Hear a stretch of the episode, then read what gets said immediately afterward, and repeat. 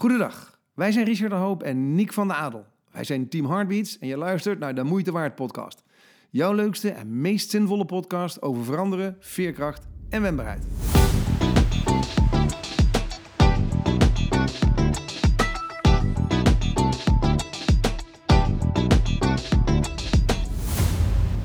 Posttraumatische groei. Wij hebben er voor lol maar een syndroom van gemaakt. Dan krijg je een posttraumatisch groeisyndroom. Omdat wij erin geloven dat je kan groeien na tegenslag. Een setback heeft niet altijd zin, maar je kan er wel zingeving aan geven, zijn de woorden die je eerder van ons hebt gehoord. Maar is dit nou gewoon wat Hakuna Matata, positief denken, bullshit? Of kan je daadwerkelijk werken aan groeien dankzij tegenslag? En zo ja, hoe doe je dat dan? Betekent het dat je zomaar dankbaar moet zijn met alles wat er gebeurt? Moet je daarvoor leren vergeven? Moet je iets ontwikkelen of juist iets doen? En als je dat dan doet, wat levert PTGS je dan op? Richard en ik onderzoeken het deze week voor je. Abonneer je even op het kanaal. Voeg ons alvast even toe op Clubhouse, want er staat nog veel te gebeuren de aankomende tijd. Geniet! Richard, goedemiddag, we zijn er weer. Blij, hè jongen.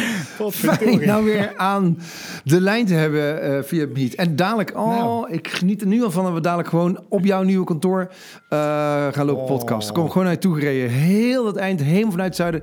Kom Live en vet knuffelen. Potverdorie. nu al zin. Als het weer mag, hè? Als het weer mag, als het weer mag. Ja, ja, ja, Ricardo de Hoop, uh, wat is jouw positieve nieuws van deze week? Nou, dat zal ik jou verklappen. Uh, deze week, ik voelde me namelijk helemaal niet zo verschrikkelijk optimistisch en blij als ik normaal altijd ben. Dat heeft een beetje te maken met het feit dat, ja, volgens mij, omdat er dus zo weinig pieken en dalen in je leven zitten. Je kan nergens naartoe, je kan niet naar, je, maakt niet heel veel spectaculaire dingen mee. Dus dan, ja, je gemoedstoestand wordt ook een beetje zo'n, uh, ja, ik, ik voel een beetje een flatliner. Nou, nou, ik er geen zin in. Nou, dus uh, toen was ik deze uitzending aan het voorbereiden. En toen werd ik weer helemaal blij van alle uh, tips. En ik heb het ook even met Jacqueline nog over gehad. En ook die is in keer allerlei dingen aan het oppakken. Dus het goede nieuws is, ik ben van een flatliner gewoon weer een blij ei. Holy mac, er werd tijd ook zeg. Nee, maar helemaal niet. Maar ik vind het wel, uh, uh, we zaten dit even voor te bespreken. Ik vind het wel goed dat je noemt. En het me ook nog denken aan iets anders. Dat mhm. ik heb ooit in het hele traject waarbij ik van mijn pijnmedicatie afkwam, geleerd dat uh, nieuwe dingen leren. Dus, dus letterlijk, dus ik herken namelijk als we weer in de stof duiken van een posttraumatisch groeisyndroom, mm is mhm. letterlijk ook een medicijn tegen de pijn. Ik vind dat echt altijd heel erg mooi. Ja, ja. true, true. Ja. Hey, en wat is jouw uh, goede nieuws? Nou, ik heb iets geleerd deze week. Dat ik, werd ook uh, tijd. ja, er werd ook wel een keertje tijd. Maar het, was, voor mij was die wel, uh, was die wel heel bijzonder. Ik moet hem een klein beetje inleiden. Ik, werd, ik gaf enkele weken geleden gaf ik een, een, een webinar aan een klant. En uh, daar kreeg ik de dag daarna kreeg ik daar een, uh, een, een, bijzonder negatieve reactie op. En die negatieve reactie was: Niek, als je ons in het voortraject had verteld dat jij had gedronken voordat je op die motor was gestapt, dan hadden we je nou nooit ingehuurd. Ik schaam me dat ik me heb voorgesteld aan je collega's. Nou, dat is als een dolk door mijn, door mijn hart gegaan. Uh, en daar heb ik heel veel last van gehad. En uh, stiekem doet hij nog steeds wel een klein beetje pijn als mensen hem raken. Want ik probeer er altijd zo transparant mogelijk over te zijn. En uh, toen zat ik, ik ben dus deze week voor het eerst op Clubhouse gegaan. Daar gaan we het ja. ongetwijfeld nog wel een keertje over, over hebben. En ja. ik zat in een, in een, in een room met, met Guido Weijers en Thijs Lindhout. En Thijs was de moderator en die vroeg mij op een gegeven moment... Ja, maar Niek, waarom doet het je nou eigenlijk zoveel... Waarom doet het je nog steeds zoveel pijn? Mm -hmm. En uh, toen bedacht ik mij in één keer bij mezelf... Dat is, ik denk dat um, een posttraumatisch groeisyndroom van alles ook te maken heeft met vergeven. Mm -hmm. En um, ik heb, ben ooit wakker geworden in het, in het ziekenhuis. En toen, toen, toen zei ik tegen mijn vader: Paps, sorry, ik realiseer me weer nu dat ik heb gedronken. En toen zei hij: Niek, ja, dat ga je nooit meer, maar dan ook echt nooit meer tegen jezelf zeggen. Dat is gebeurd. Uh, en we gaan er vanaf nu wel het mooiste van maken. En ik mm -hmm. denk dat ik stiekem mezelf nooit helemaal heb vergeven voor het mm -hmm. feit dat ik gedronken had. Ook al, ga ik er nu gelijk maar even bij zeggen, was het geen eens te veel. Mm -hmm. en, uh, en dat leerde ik deze week, dat ik dacht, holy mac, ik heb dus nog gewoon letterlijk iets te doen. Dat ik mezelf nog iets te vergeven heb. En dat ik niet dus meer uh, boos op mezelf hoef te zijn dat ik, nou ja, dat ik dat ooit heb gedaan. En daarom kwam dus ook die opmerking van die mevrouw zo hard binnen die dit deed. En, en als ik dus weer zoiets nieuws leer, dan, dan kan ik er dus weer iets mee. Dus ik ben deze week bezig met allerlei oefeningen om nog steeds mezelf te vergeven. Uh, omdat ik dan nou, geloof, merk dat ik, dat ik ja, beter in mijn vel zit, gelukkiger ben met wie ik ben, nou, et cetera, et cetera. En dat vind ik een heel mooi iets. Dat om achter is te ook komen. een heel mooi iets. En, want je geeft eigenlijk meteen al een tussentijdse tussentip.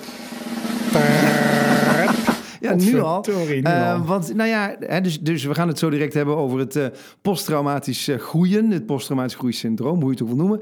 En eh, daar is copingmechanismes is een van de bewezen technieken. En eigenlijk wat het is, is vergeven, vergevingsgezindheid, ja, is, is een manier om met dingen om te gaan. En Mooi. ja, er dus achterkomen dat je dus restjes hebt van nog niet aan jezelf vergeven dingen. En dat dus wel kunnen. Ja, dat is, eh, dat is dus coping. En dat is dus een, een van de dingen om een posttraumatisch groeisyndroom of een posttraumatische groei te beleven. Vergeven aan jezelf, vergeven. Ik, ik, eh, ik, ik zal de persoon, ik kan nooit kennen, maar de persoon die dus iets uit zijn auto heeft gegooid of waarvan van een vrachtwagen is geflikkerd, waardoor Sanne met haar auto eroverheen is gereden, de band is geklapt en daardoor is zij uiteindelijk verongelukt. Ik ken die persoon niet, maar eh, ik zou die dat ook moeten vergeven. Want ik bedoel, Ja. anders blijf je, als je wrok blijft koesteren, dat zien we, dat zien we natuurlijk, ja, kijk maar om je heen. Overal waar wrok is, is nog steeds de brandhaard om elkaar in de haren te vliegen of jezelf in de haren te vliegen. Ja. En dat is Ja. wat je, feitelijk wat je gedaan hebt, man. Mooi. Goed. Ja, en dat staat, dat staat groei dus ook in de weg. En, Ja, en, ja, absoluut. ehm, en het is Ja, wel mooi, hè, want bij jou niet, is dat... Ja, dit realiseerden we ons een tijdje geleden ook. Hè? Bij jou is dat een, een extern iets of misschien wel een extern iemand... waardoor er iets Mhm. is gebeurd. En bij mij is dat dus mezelf. En, eh, maar, maar, maar jezelf of een ander leren vergeven... is denk ik ook de enige manier om, het, om naar posttraumatische groei te gaan. Nou ja, En- maar en- goed, we hadden natuurlijk het gesprek ook met, met Ferry hè, eh, Ja. over Bataclan. En eh, hij is natuurlijk ook naar een van de vaders, naar de ouders van een dader gegaan. En je ziet het natuurlijk ook nog wel eens op films, of ja, je hoort het ook nog wel eens, dat mensen hun, hun dader het kunnen vergeven. En dat is voor hun vaak ook de manier om dan verder te kunnen gaan. Ja, En ik denk, als ik, ik zat eens op te zoeken, wat zijn nou grote helden van mij die staan voor eh, een posttraumatisch groeisyndroom? Even Mhm. voor de goede orde. eh posttraumatisch groei is iets wat wetenschappelijk bijzonder veel is onderzocht. Hè? Dus hoe groeien mensen na tegenslag? Mhm. Posttraumatisch groeisyndroom heb ik ooit zelf geloof ik een keertje van gemaakt, omdat ik dat echt heel grappig vind om hier gewoon een syndroom van te ja maken. maar goed, dames en heren, moet je gewoon even naar het hoofd van die verhalen kijken. En dan snap je dat die ook wel een paar chromosomen ja, mist. ja, ja, ja, dus, dus 23 in een kratje. Hè? Nee, maar het is Maar misschien, voordat je jouw helden vertelt, Ja? inderdaad, laten we, laten we even op het syndroom ingaan. Want het is, ik vind het wel weer heel interessant, moet ik je eerlijk zeggen. Ja, nou, nou vertel eens. Vertel eens, nou wat, ja, wat ik betekent bedoel, het voor jou? dit is ook weer typisch, typisch eh, hoe wij dingen aangaan. Dus ehm, de, de, de, de positieve psychologie die kwam op rond de jaren negentig. Omdat de psychologie zich tot dan toe alleen maar op ellende stortte. Weet je wel, hoe je krijgt een burn-out, je bent schizofreen. Nou, daar gaan we naar zoeken. En de, de hele geneeskunde gaat natuurlijk eigenlijk over pathologie. Hè? Dus de ziekte opzoeken in plaats van wat maakt ons nou beter. En hetzelfde gaat voor PTSS, dat weten we dus wel. Daar weten ze onwaarschijnlijk veel onderzoeken naar. Maar PTG, dus het, hè, het is het posttraumatisch groeisyndroom, is, is super recent. Dan praten Ja. we misschien over, nou ja, de begin ligt misschien 15 jaar, maar de echte onderzoeken zijn allemaal hartstikke poeprecent. Dus het is ook wel weer typisch menselijk dat we in eerste instantie kijken naar de ellende. Ja. In plaats van dat we ons concentreren op ehm, PTG. Dus PTSS en PTG zijn een soort van tegenpolen. Hè? Of in ieder geval eh, eh, op eenzelfde lijn eh, zitten ze ergens. Is, is niet hetzelfde. Ze hebben niet altijd een connectie.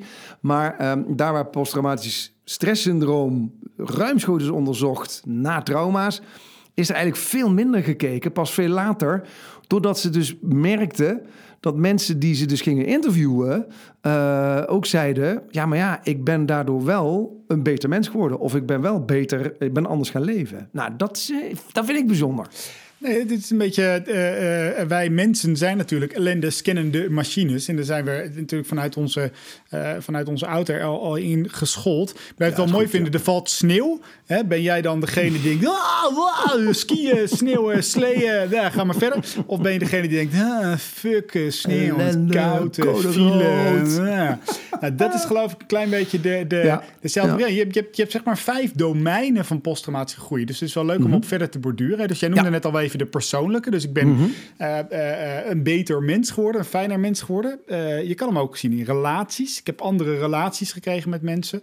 En, en ik ben het leven veel meer gaan appreciëren. Een vierde is, ik heb nieuwe dingen ontdekt. En een vijfde is de spirituele component. En of jij dat in geloof zoekt of in, in een hele andere spiritualiteit. Maar dat zijn vijf factoren van posttraumatische groei. Hè? Als ik nou eens aan jou zou vragen, Ja. waar... eh, eh, eh, want we hebben het hier wel vaker over gehad. Waar, waar ben jij nou, waar heb jij groei gezien na hetgeen wat jij hebt meegemaakt met, met Sanne?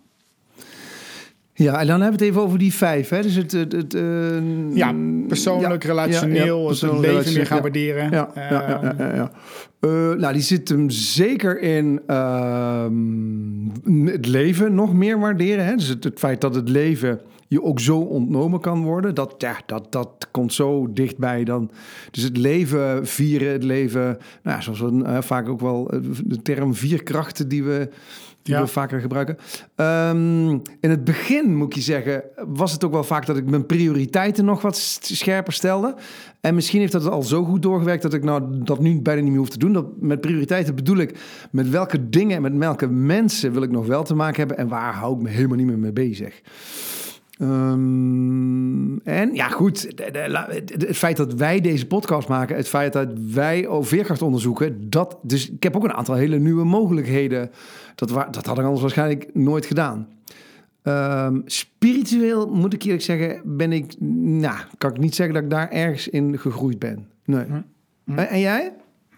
Eh, ja, ik zit mezelf de vraag te stellen. Het- het- Ik denk dat ik het op alle vijf kan ik wel iets roepen. En, eh, maar voor mij is de allerbelangrijkste is dat ik het leven nog veel meer ben gaan appreciëren. Ja, Ik vertelde net even voor de eh, uitzending aan, aan, aan jou, Richard, dat het met mij helemaal niet gezondheidstechnisch niet zo goed gaat. Ik heb een nare resistente bacterie in mijn lichaam zitten die er niet, die er niet uit wil. En ehm, eh, dat betekent dat ik, dat ik nu een aantal nachten heb gehad dat ik bijna gewoon niet slaap, omdat ik alleen maar wakker lig van de pijn. En ehm, er zit bij mij dan altijd een stemmetje in mijn hoofd eh, dat ik. ehm, eh, A is een stemmetje in mijn hoofd die altijd zegt: Niek, dit gaat weer voorbij. Maar er zit door, des te dichter ik bij de pijn kom, des te meer ik eh, echt de kleine mooie dingen in het leven waardeer.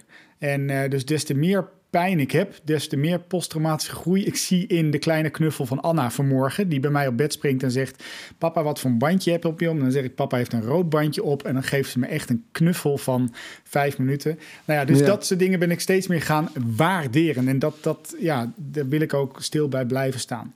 Ja, ja, ja. ja, Ja. ja, ja, ja. Ja, dus dat je dus die hele kleine dingetjes, dat die er gewoon steeds meer toe zijn gaan doen. Ja. Ja, ja, en ja, goed. En ik kan op alle, alle factoren. Ik heb zeker wel een spirituele groei daarin doorgemaakt. Dus ik ben wel steeds meer op zoek gegaan naar.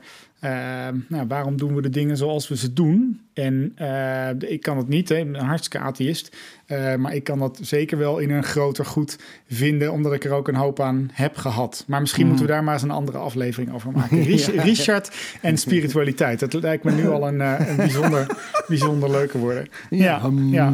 Hey, Hey, maar- maar, als, je, als ik nou... ehm, wat, wat was jouw eerste ontmoeting met dat posttraumatisch groeien? Want ik, ik heb het eigenlijk, ik, ik heb het echt van jou geleerd. Of, of ontdekt. Maar wat was het bij jou dan?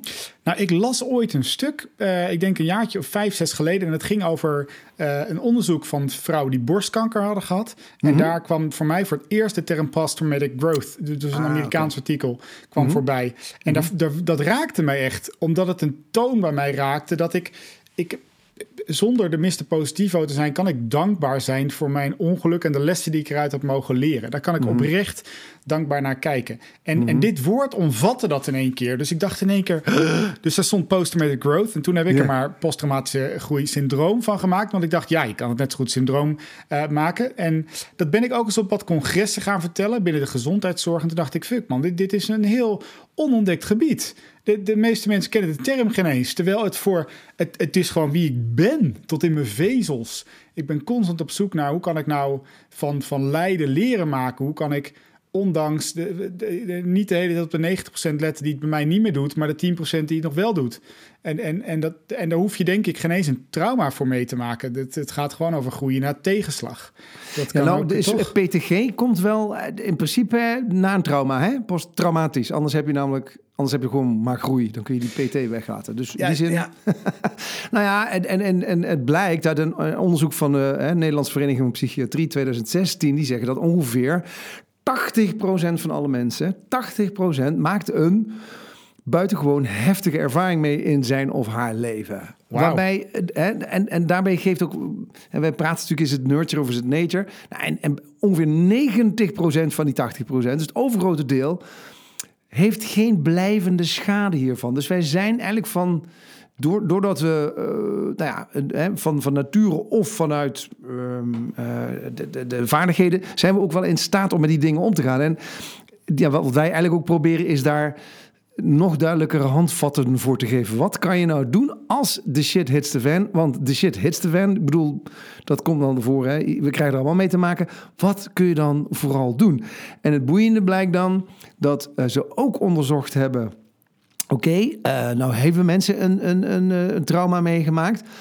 Welke facetten van posttraumatisch groeien kun je dan, heb je zelf in de hand? Zullen, we daar dan vooral eens naar kijken? En misschien dan even beginnen bij jouw twee helden. Ja, en dan ben ik nog even, ja, even want je doet Oh, me gelijk denken aan onze... Oh, lekker duidelijk nee, ook dit. Nee, Oh. nee, nee, dat komt, dat komt wel stop. ik moet in één keer denken aan onze vorige gast, Jan van Ja. Zetten. Oh ja, Er ja, werd trouwens ja. heel goed op gereageerd in de social Ja. media. Heb je die aflevering nog niet gehoord? Luister hem alsjeblieft, want het, het geeft je gewoon echt even een half uur schaterlachen, heel veel wijsheid en nog meer gedesoriënteerd ellende buiten gaan. Die dus. Eh, maar de, zijn zinnetje wat hij natuurlijk uit, hè, zolang als jij adem haalt, kan je het aan. En dat, dat zeg jij nu net ook weer eigenlijk. Hè? Dus ik vind het een mooi getal dat 90% geen blijvende schade eh, overhoudt aan, eh, aan, aan eh, die trauma's. Nou ja, en twee van mijn helden, de- mijn grootste en die kent natuurlijk iedereen wel, maar Nelson Mandela is zo'n zo'n mooie man. Die, eh, ehm, nou goed, ik denk dat ik het trauma geen eens uit hoef te leggen, maar op Robben Eiland worden, worden opgesloten, weg worden gerukt uit je hele omgeving. Dan vervolgens tussen haakjes de tegenpartij kunnen vergeven. En wat mij betreft een van de meest inspirerende mooie personen worden die er maar eh, zou kunnen zijn. En, eh, eh, en enorm gegroeid is door die tegenslag in zijn leven. Ja, want je moet er ook wel bij weten dat hij, voordat hij gevangen genomen is, ook wel echt een agressieve... Een boefje was, ja. ja, een boefje. Ja. en en een Ja. advocaat die er echt met, hè, met, met, met een mes op de tafel... Ja, dus eens. Eens, ja. ja. Ja. Dus, En dan is ehm, het spannend van wat, is het, wat heeft zo iemand dan gedaan? Hè? Want dat is natuurlijk, dat zijn ook de tussentijdse tussentips die we dadelijk kunnen gaan geven. Ja. Want, maar je hebt er nog één, hè? Ja, ik heb er nog eentje. Eh, Mahatma Gandhi vind ik ook een heel erg mooi persoon. En, eh, eh, en waarom nou? Omdat het natuurlijk echt een, noem het maar eventjes, een vrijheidsstrijder ook was. En iemand was die tegen de gevestigde orde in, in dit in durfde te gaan, daarvoor gevangenisstraf kreeg, martelingen kreeg, nou, van alles wat er maar tegen en tegen en tegen. En bleef eh, eh, vechten voor iets waar hij enorm in geloofde. En later heb ik een, een heel mooi stuk over hem gelezen, dat hij dat ook alleen maar kon begrijpen, doordat hij zoveel pijn, tegenwerkingen, opsluitingen, martelingen heeft doorgemaakt. Ehm, en ehm, als je dat dan om weet te buigen en zo'n boodschap van liefde durft en kan brengen in het leven, ja, dan, nou, dan ben je mijn held. En dus ook een voorbeeld voor posttraumatische groei. Ja, maar eigenlijk is, het voorbeeld dat jij geeft over die enorme negatieve opmerking. Hè, eh, ergens raakt het namelijk, je bent verontwaardigd. Je bent verontwaardigd dat je die negatieve, want je denkt, ja, ik heb het toch goed gedaan. En je krijgt ook goede feedback van deelnemers, maar van die ene persoon niet. Je bent verontwaardigd, dus je bent ergens in je waardigheid aangetast. En juist daar moeten we naar op zoek durven gaan. En, en eh, dat is denk ik ook wel een belangrijke tussentijdse tussentip... dat je dat soort dingen dus niet uit de weg moet gaan. Dus dat Niek van de Adel toch ook weer het lef heeft... om bij zichzelf terug te gaan naar dat moment... en dan te denken, ja, maar was ik dan... Kan, kan ik het mezelf dus vergeven dat ik dat gedaan heb? Ondanks het feit dat het Ja. niet te veel was. Maar kan ik het mezelf dan vergeven? Dat ik die... Dat ik me daar dus nog steeds verontwaardigd voel. Dus ergens heb ik dan nog zo'n... zo'n zo'n ergens ben ik in mijn waarde aangetast. En juist doordat je in je waarde bent aangetast... kan je dat met liefde ook en met anderen delen. En dat is natuurlijk ook bij jouw grote helden gebeurd. Ja. Ehm, Ja. Volgens mij kan je dat heel moeilijk voorleven, doorleven, overleven als je dat niet ergens diep, diep, diep van binnen zo heeft beroerd en zo heeft geraakt. Ehm, dus dat is denk ik ook wel wat PTG, posttraumatisch groeien, zo bijzonder maakt. Omdat er altijd een eh, ehm, eh, iets van je is afgenomen. Ja, eh, ja eens. Nee, eens. Ja. Ja. En dan is het interessant, en ik weet dat jij daar zo ook een paar mooie tips voor hebt. Dan is het interessant, wat is dan dus de, de, de relatie tussen eh, PTGS en veerkracht? Die vind ik nog Ja. wel leuk, want daar hebben we natuurlijk uiteindelijk wel de moeite waard een podcast over. Ehm, nou, ik ga, je, ik ga je een klein beetje meenemen en niet helemaal, want dan ga ik je echt adviseren om eens een keertje op teamheartbeats.nl te kijken, want die weten daar nog veel meer vanaf. Maar veerkracht bestaat eigenlijk uit, uit vijf grote vlakken. En één van die vlakken, daarin is coping. Eh, dus je, welke copingstrategie kies je? Hoe ga jij om als er iets gebeurt? Dus er komt de stress of trauma in je leven en dan kan je eigenlijk gaan kiezen. En ze noemen dat eh, homeostatisch of transformationeel. Dat zijn eigenlijk de twee Jeetje. keuzes die je daarin kan maken. Eh, homeostatisch betekent gewoon eigenlijk, dan blijft het bij het oude. Hè? Dus het, de balans wordt gewoon hersteld. Mhm. Maar ik wil het met je hebben over die, die transformeren daar letterlijk Mhm. in. Nou, dat kan je negatief doen. Dus oftewel, toen ik in het revalidatiecentrum lag, is natuurlijk wel heel bijzonder, want je ligt met vijf mensen op één kamer voor, voor acht maanden lang. Eh, heeft iedereen zijn eigen copingstrategies. Overigens geen goed en fout, hè? maar er zijn mensen die gaan, naar, er gaan mensen die gaan naar de drank. Er zijn mensen die gaan achter de geranium zitten. Je hebt mensen die de anderen de schuld geven. Je hebt mensen die ook gewoon nog acht, negen jaar lang aan het procederen zijn, omdat ze letterlijk onrecht is toegaan. En je hebt een positieve coping. En die positieve coping, dat is PTG. En wij hebben daar een S'je achter geplakt. Posttraumatische groei. Ehm, dus, Syndroom. Ja, syndroom. Nou, wat Ja. is dan de relatie met veerkracht? Dus twee copingstrategieën. Probleemgerichte coping en emotiegerichte coping. Nou, bij emotiegerichte coping ga je dus om met eh, eh, alle negatieve emoties die erbij komen kijken. En ik ga het met je hebben over probleemgerichte coping. Want dan ga je naar de oorzaak van het probleem toe. En dat is veerkracht ontwikkelen.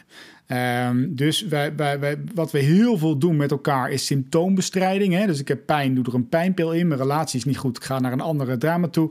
Mijn werk is niet leuk, ga naar werk. En wij, veerkracht is denk ik die spier die je wel kan ontwikkelen. Dus veerkracht pakt de oorzaak aan. Dus ga op zoek naar een positieve, eh, probleemgerichte copingstrategie. En daar hebben we wel een paar eh, tips en tricks voor, eh, Richard. Toch? Jazeker, ja, nee, absoluut. En dat noemen ze ook wel eh zelf ehm, eh. Dus dat ben, Ja. ben je in staat om jezelf te helpen.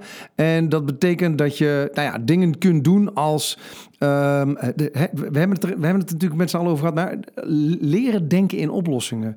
Dus, dus ehm, ja, problemen zijn er genoeg. Maar hoe kan ik dan nou eh, eh, problemen eh, of, of oplossingen bedenken. Want het woord problema hè, is nogmaals, dat is niet meer en niet minder dan een uitdaging of een, of een, een opgave die er voor jou ligt. En niet meteen denken, ja, opgave is te moeilijk, maar juist proberen van verschillende kanten oplossingen te ontdekken. Want op het moment dat jij het kan oplossen, heb je ook de indruk dat je zelfredzaam bent. En dus op het moment dat je iedere keer afhankelijk wordt van anderen, ja, dan heb je niet de indruk dat je het zelf in handen hebt. En dat is zo onwaarschijnlijk belangrijk in coping. Hè. Coping betekent ermee om kunnen gaan. Ehm, en dat betekent dat je dat echt zelf in handen moet. Hoe klein je oplossing ook is, hoe klein het stapje ook is, jij hebt hem gezet. En dat maakt, wel heel erg, eh, eh, dat maakt het wel heel erg belangrijk. Dat is, dat is één. Tweede belangrijkste tip is dat optimisme heeft ook een bewezen effect op... ehm, uh, op PTG. En, of is een bewezen stap binnen PTG waarbij optimisme ook echt te, ontwikkelen is. Hè, want het, uh, een ander dingetje wat uit de onderzoeken komt... is dat extraverte mensen iets makkelijker PTG in hun lijf hebben... dan mensen die wat zwaarder op de hand zijn. Ik, ik zeg hierbij uitdrukkelijk niet dat introverten zwaar op de hand zijn... maar extraverten zijn over het algemeen wat makkelijker... in het aangaan van nieuwe uitdagingen. Maar... Um, optimisme kan eigenlijk iedereen ontwikkelen. En optimisme betekent niet meer en niet minder dan dat je uh, niet zo knoerhard voor jezelf bent. Dat je niet alles perfect hoeft te doen. Uh, dat je ook kan verheugen op kleine dingetjes. Uh, en dat je kan gaan kijken van nou, nou, net wat jij net zegt, ik kan het dus nog aan. Dat is een vorm van optimisme. Dus dat zijn een paar van die copingstijlen, tips die ik zou willen geven. Eh, wel leuk om daarop toe te voegen, eh, Richard. Mocht je nou net denken: hey, ik wil meer weten over optimisme, luister dan eens eventjes aflevering 2 van deze podcast. Ja. En ik wil meer weten over denken in oplossingen. Dan ga dan eens naar aflevering 7 luisteren, want daar gaan we veel dieper op het onderwerp in. Ik heb een tussentijdse tussentip. Bam, bam. Eh, zoek afleiding. En dan denk je, nou, is dat nou de tussentijd? Ja, dat is hem echt. Dus als jij nu zit te luisteren en bij die 80% van de mensen hoort die wel eens wat traumatisch heeft meegemaakt in zijn leven, en of dat voor jou was dat je, dat je gescheiden bent, dat je ziek bent geworden, dat er iets is gebeurd in je persoonlijke omgeving. Ehm, eh, wat ik net heb geleerd van Richard is dat we het bijna allemaal wel meemaken. Eh, eh, dan is mijn aller, aller, aller, aller, allergrootste tip, en ik pas hem letterlijk toe op de zenuwpijn die ik heb of alles wat er in mijn leventjes niet zo goed gaat. Dat is het, het afzoeken van afleiding. En daarmee bedoel ik, eh, eh, eh, als het je even afleidt van de negatieve gebeurtenis, dan gaan je hersenen er automatisch positieve gebeurtenissen overheen plakken. Voor Richard was dat vandaag, daar is hij mee geopend, op bijvoorbeeld te duiken in wat is nou eigenlijk dat posttraumatische groei. Dat is een afleiding zoeken. Dat kan ook een podcast opnemen zijn met een goede vriend. Dat kan ook buiten zijn, wandelen met de hond. Maar ehm, dat betekent niet dat je het gaat bagatelliseren, dat je gaat relativeren. Dat betekent niet dat je het wegstopt, maar dat je eventjes er weg van gaat, zodat je rust en ruimte hebt om goed naar het probleem te kijken. Ja, ja. Nou, ja, eens. Dat is nou ja, ook, eh, hè, dus afleiden met een doel een beetje. Hè? Dus Ja, dat, dat, ja, vind, ik, dat vind ik ook. Ja, Ja, niet Dus- weglopen. Dat Nee, niet verder weglopen, Nee. maar een beetje Nee. afleiden. Zo van dat je dus niet zo focust op de ellende. Eh, want die wordt daardoor alleen maar groter. Eh, hè, waarbij we allebei zeggen, ga met je kop in de wind. Eh, maar ja, voor de afleiding kan, het, kan dan de weg naar rechts nog steeds met de kop in de wind zijn. Maar is wel een afleidende weg even. Dus eh, ja. Eens. Overigens zag ik ook nog een definitie. Ja, en of we het daarmee eens zijn, ja of nee. Maar de- die, die posttraumatische groei definieert als het gevoel van positieve verandering. Positieve verandering na het meemaken van een traumatische gebeurtenis. Dus dat, ehm, eh, ja, dat zit natuurlijk in postgroei. Hè. Dus, maar dus je hebt ook een positieve verandering. En ik, ik, ja, bij mij komt dan even binnen eh, het feit dat uh, hebben de, de, een uitzending met, met Ferry hebben gehad. Ferry Zandvlies over, over, over Bataclan.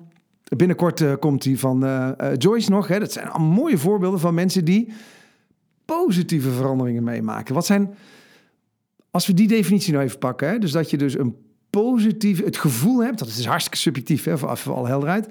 Um, maar het gevoel dat je een positieve verandering hebt meegemaakt na die traumatische gebeurtenis. Wat zijn dan de positieve veranderingen die jij zo kan noemen, Nick van der Adel?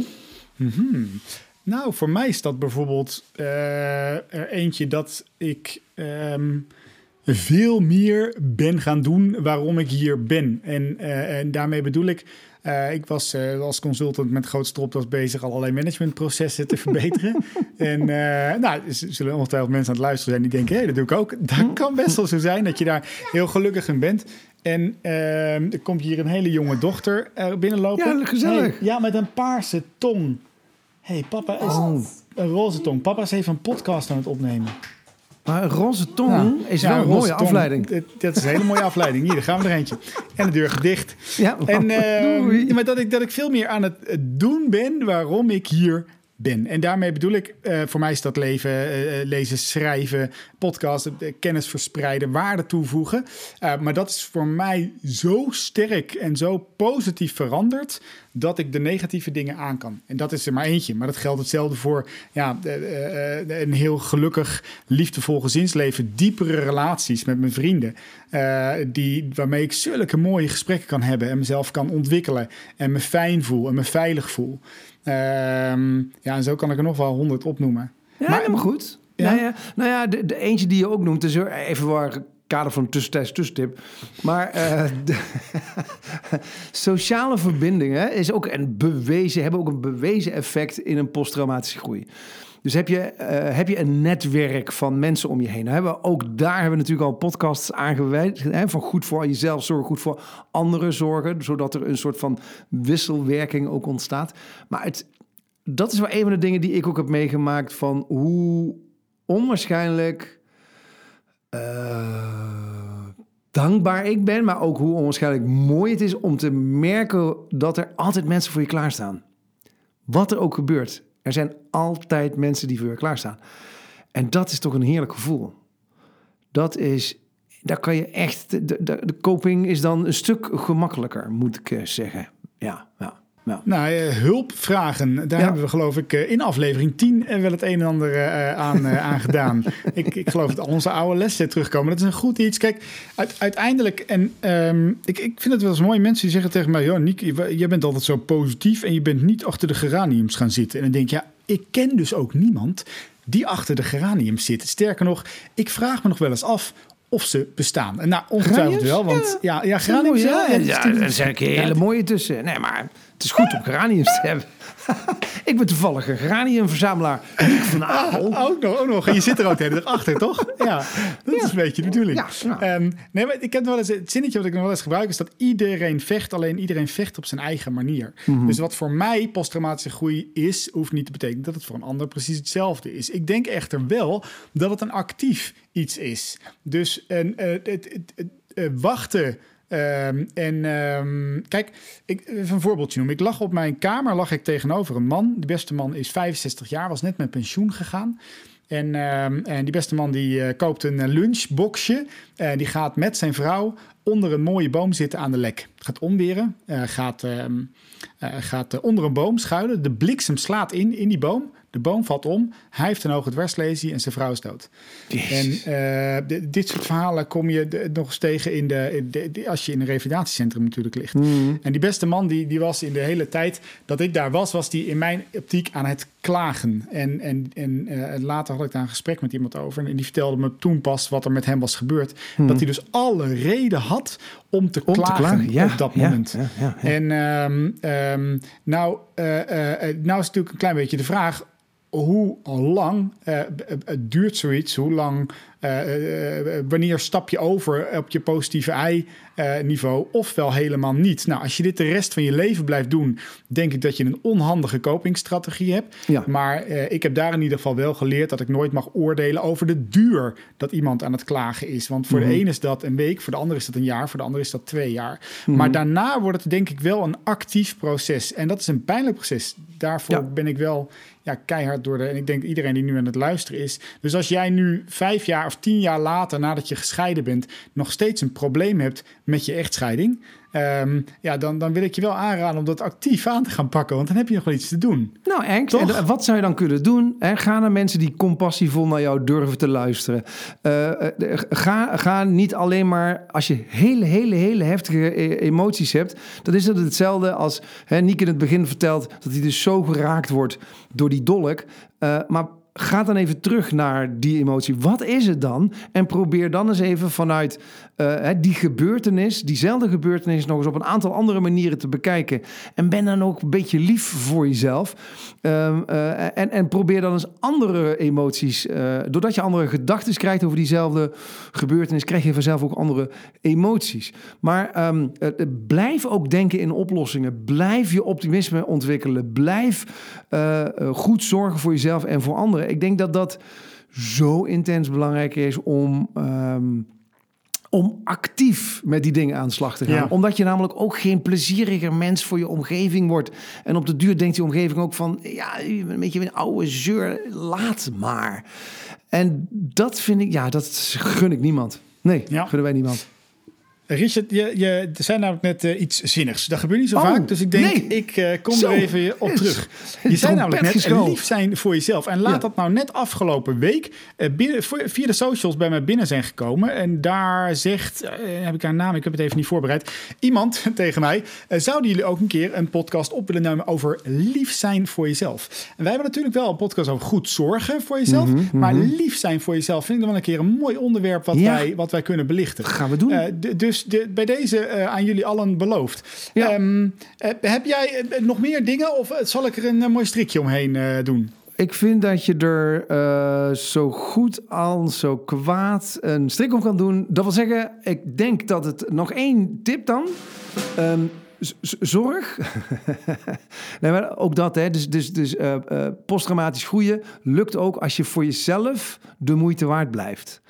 En hoe blijf je nou voor jezelf de moeite waard? Blijf zoeken naar de dingen die je wel goed kan. Blijf zoeken naar de dingen die jou zin geven.